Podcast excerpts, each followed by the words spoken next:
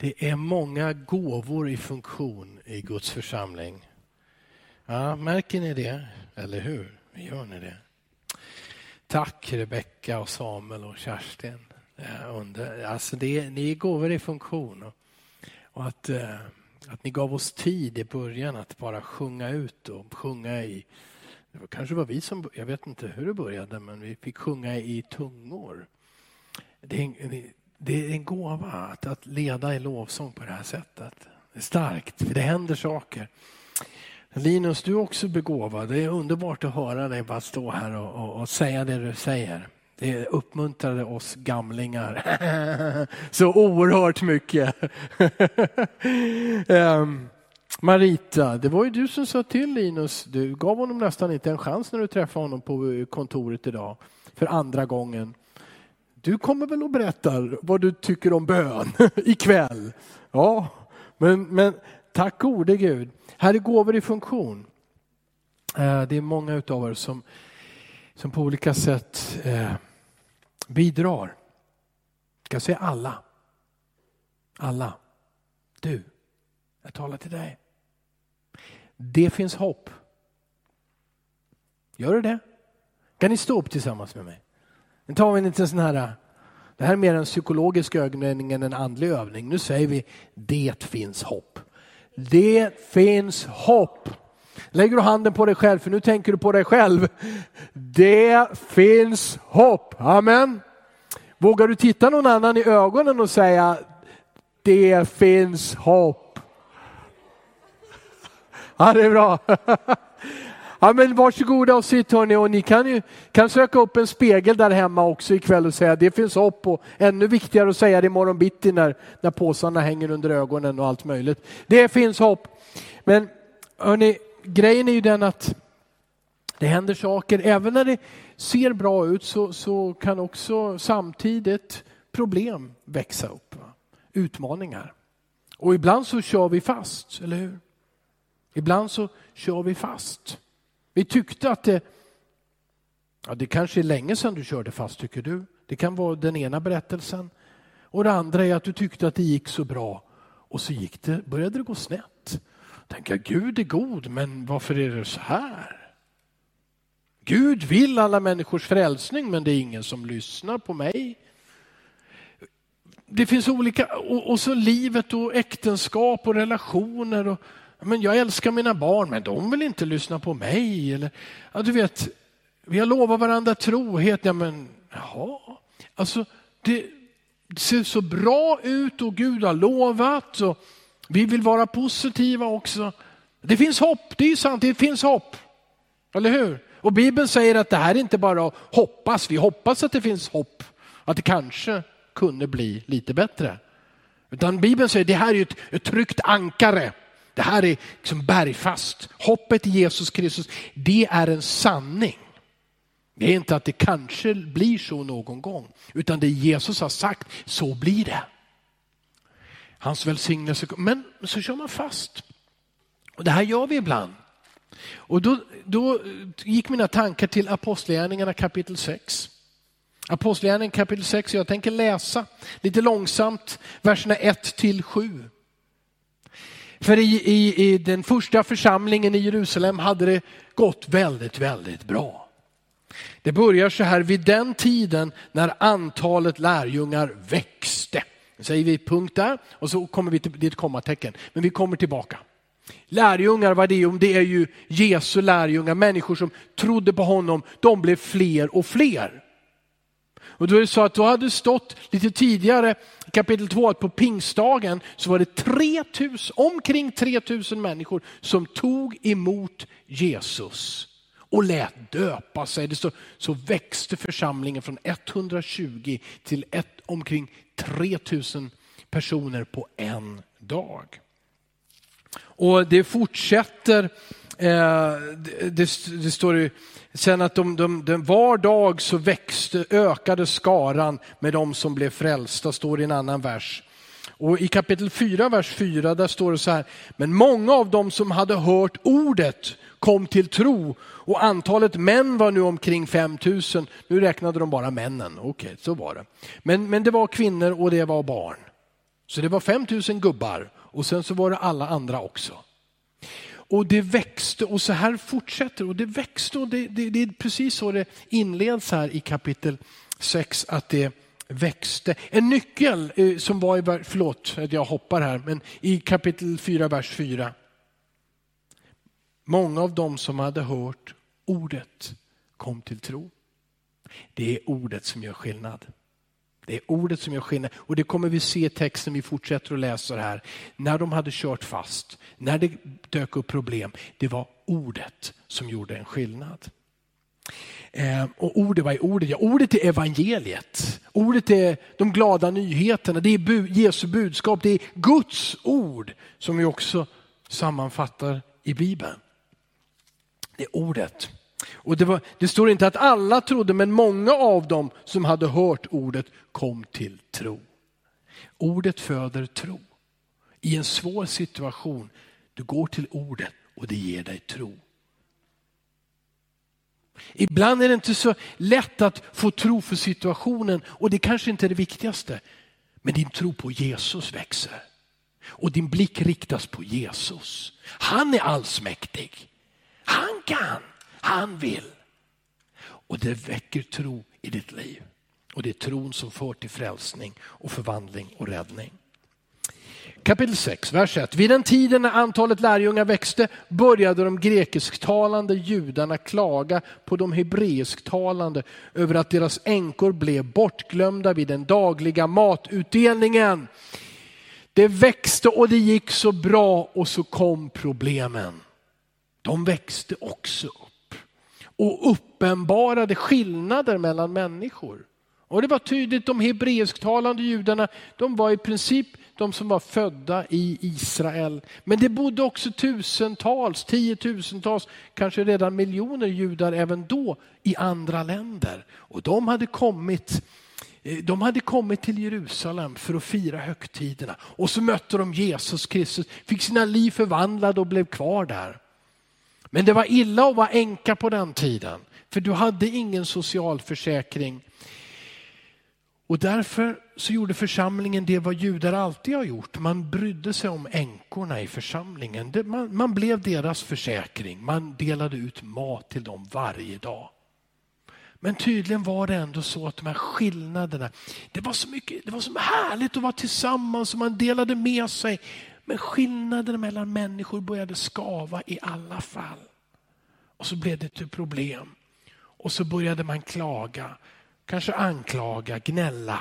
Och det här nådde apostlarna, ledarnas öron. Då står det i vers 2. Då kallade de tolv samman alla lärjungarna och sa, det är inte bra om vi försummar Guds ord för att göra tjänst vid borden.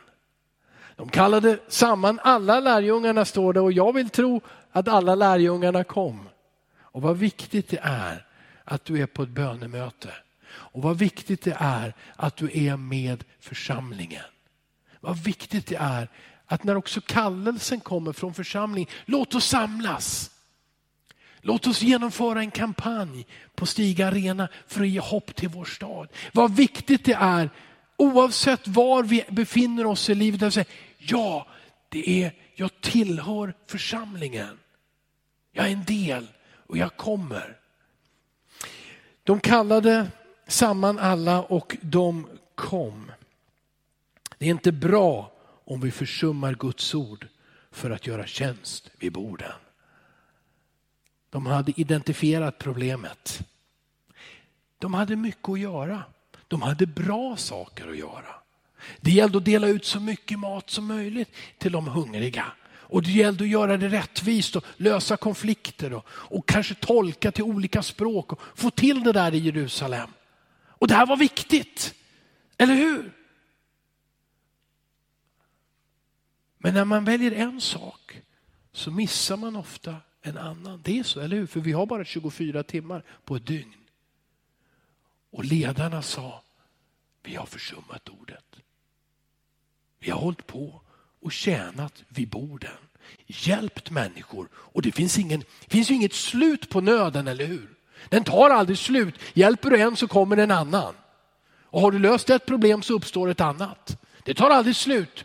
Ska du släcka bränder hela tiden, ja då gör du ingenting annat. Och även med den goda föresatsen, ja men Guds ord är viktigt, men jag ska bara göra det här först. Så skedde det till och med för apostlarna, att de försummade Guds ord. Alltså det är inte bra om vi försummar Guds ord för att göra tjänst vid borden.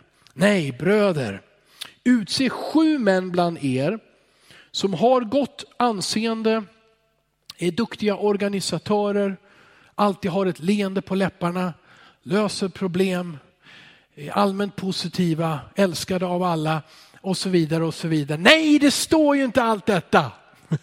Fast de skulle ha gott anseende, det skulle de ha. Och det är väl ungefär som att vara omtyckt. Och ha, god, och ha integritet och förtroende bland människor. Men de ska också vara fyllda av, av ande och vishet. Det är också en, en nyckel i, i, i det här sammanhanget, en nyckel i bönen. Anden, de ska vara fyllda av anden och så vishet. För här behövdes det vishet.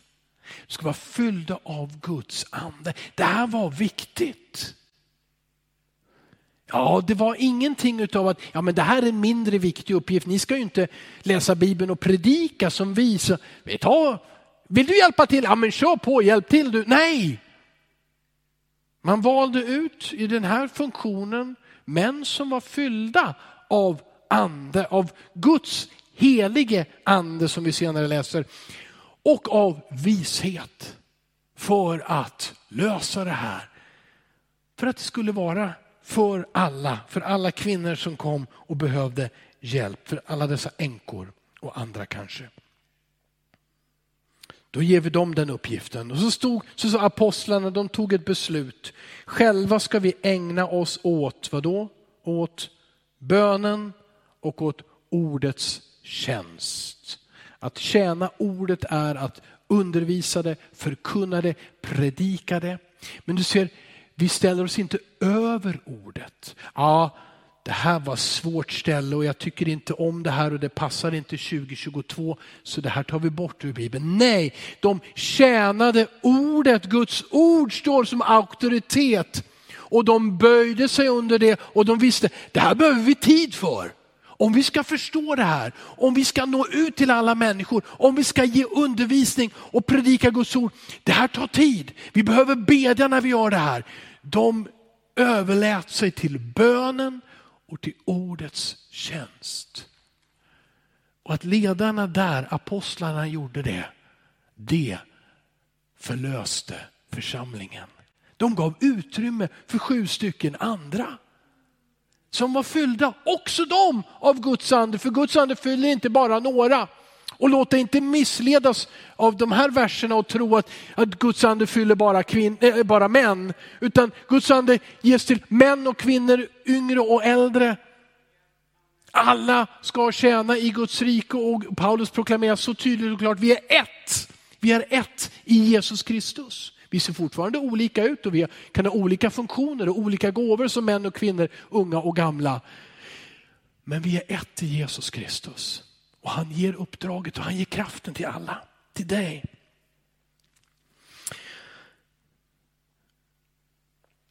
Det står i vers 5. Alla de församlade gillade förslaget. Ett härligt sånt här medlemsmöte eller församlingsmöte. Apostlarna gav ett förslag och alla gillade det. Och så var det då folket, det var folket, församlingen, äh, lärjungarna. Jag vet inte hur många tusen de var, men de lyckades på något sätt. De valde Stefanus, står det en man fylld av tro och den heliga ande. Ja, det kom tro också. Inte bara vishet och ande, utan tro och den heliga ande. Det här tro, det här vill Gud. Han vill välsigna änkorna. Vi är en fattig församling, men Gud gör oss rika att hjälpa de fattigaste ibland oss. Och så fortsatte de och löste även de här skillnaderna. Och så var det då dessutom Filippos och Prokoros och Nikanor och Timon och Parmenas och Nikolas. En proselyt från Antiochia, det betyder att han hade tidigare varit hedning, romare av någon sort och blivit jude. Och, sen, och då kallas man för proselyt. Idag säger vi konvertit. Eh, och sen så hade han kommit till tro på Jesus.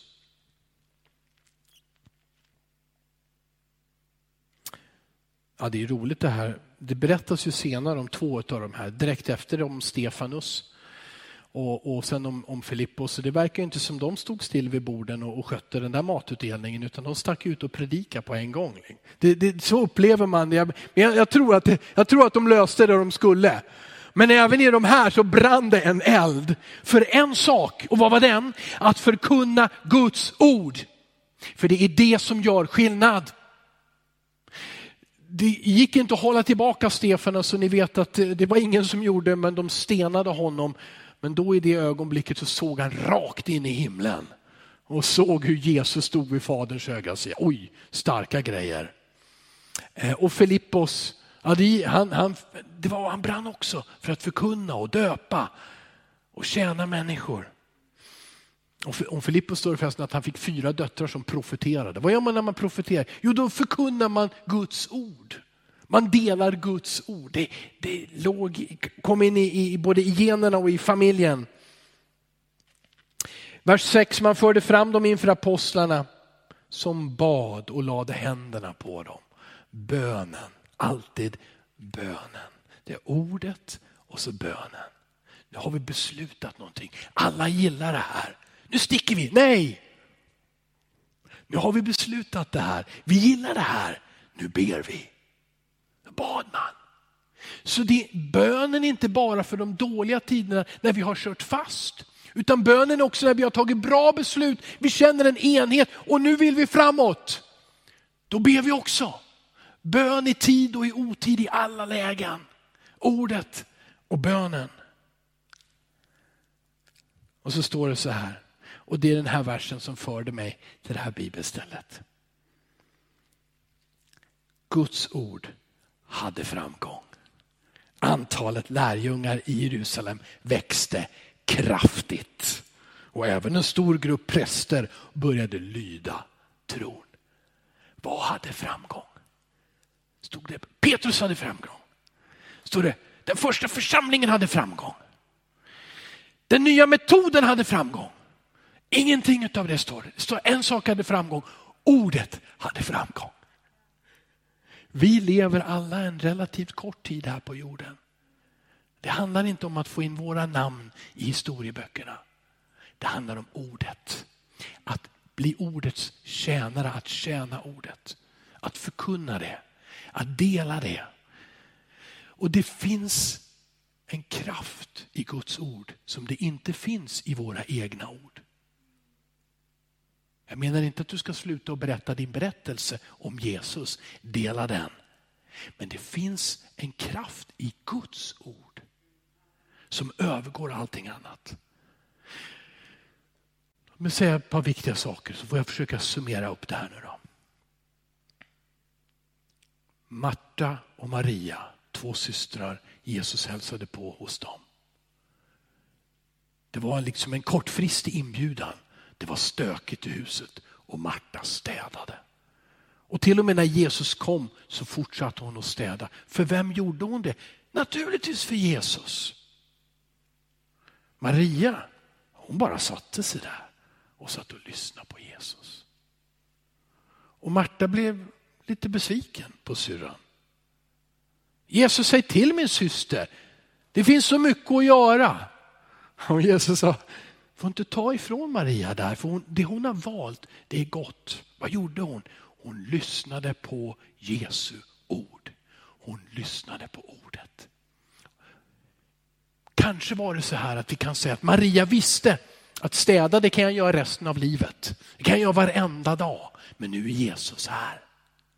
Ordet fick första plats och Jesus sa, det får inte tas ifrån henne. Hon har valt det goda. Och jag vill också läsa vad Paulus skriver i andra Timoteusbrevet 3 om Guds ord. Tack förresten till den som skrev in. Tack för att Gud har hjälpt mig med bibelläsningen. För det förändrar. Guds ord förändrar. Då, då, står, då står det så här, eh, andra Timoteus 3 och 16. Hela skriften är utandad av Gud. Den är nyttig till undervisning, tillrättavisning, upprättelse och fostran i rättfärdighet. Det här är speciella ord, jag ska inte utlägga dem var och en långt, men jag bara återupprepar dem i alla fall.